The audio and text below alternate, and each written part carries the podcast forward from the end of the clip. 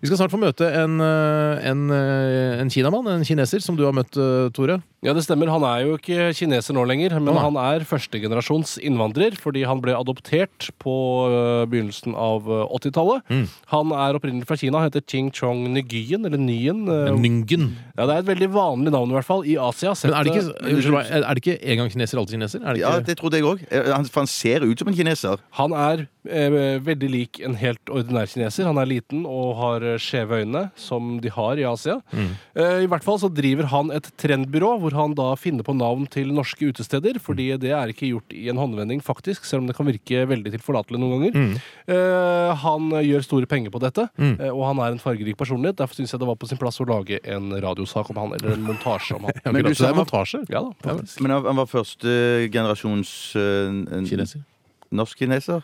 Var det det du sa han var? Om han var førstegenerasjons norsk-kineser altså det blir vel, Han er jo førstegenerasjons innvandrer, da, siden Ja, han mm, er, er adoptert fra Kina. Hvor gammel var han da han eh, ble skippa over? Eh, ikke mer enn fem-seks år.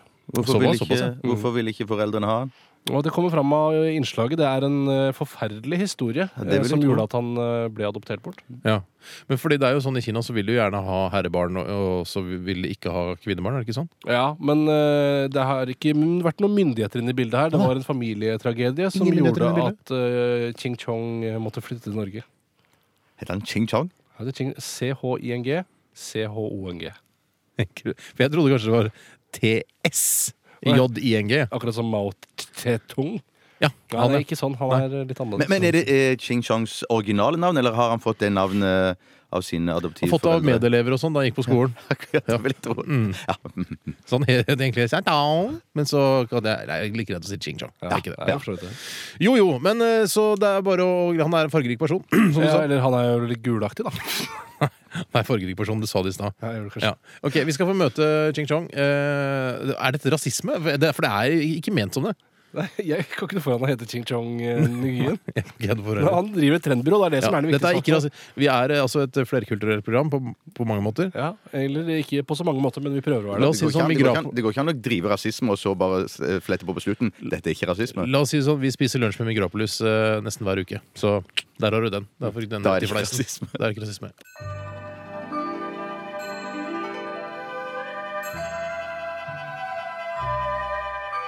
Hallo, ja hei. Jeg heter Ching Chong Nguyen. Eller Nguyen. Eller Nguyen, eller hvordan faen man uttaler det egentlig. Jeg er eh, 27 år, kommer opprinnelig fra Kina, men ble adoptert bort da faren min, Ping Pong Nguyen, hakket i stykker hele familien min med et samuraisverd, og ja, så begikk han harakiri på seg selv, da. Så jeg gjemte meg heldigvis under liket av søstera mi, King Kong Nguyen. Det var ganske flaks. I dag bor jeg i en trendy leilighet i Oslo. Jeg bruker alpelue og maskara på det øyet jeg ikke har øyelapp, da.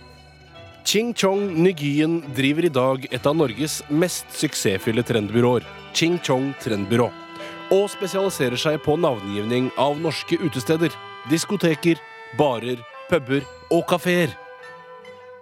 Jeg er en hipp og trendy asiatisk gutt, men har etter mange års erfaring lært meg at hipp og trendy utestedsnavn ikke er synonymt med suksess her i Norges land.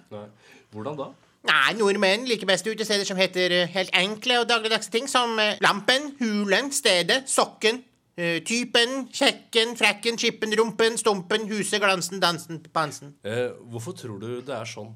Jo, nordmenn er veldig konservative og redd for forandring. For eksempel hadde jeg en kunde som drev en bar som het Rådhuset her i Oslo. De mistet kunder, og omsetningen gikk ned. Og da hyret de Ching Chong trendbyrå, og jeg sa Folk er ikke helt komfortable med de nye bokstavene ennå.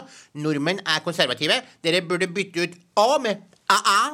Altså Radiohuset, slik som det ble skrevet på dansketida, og det gjorde de. Hvordan gikk det med Radhuset? Det gikk veldig bra med Radhuset. Kundene kom løpende, min venn. Bare pga. den lille forandringen i navnet? Ja, det er gratis øl og horer hele natta, da.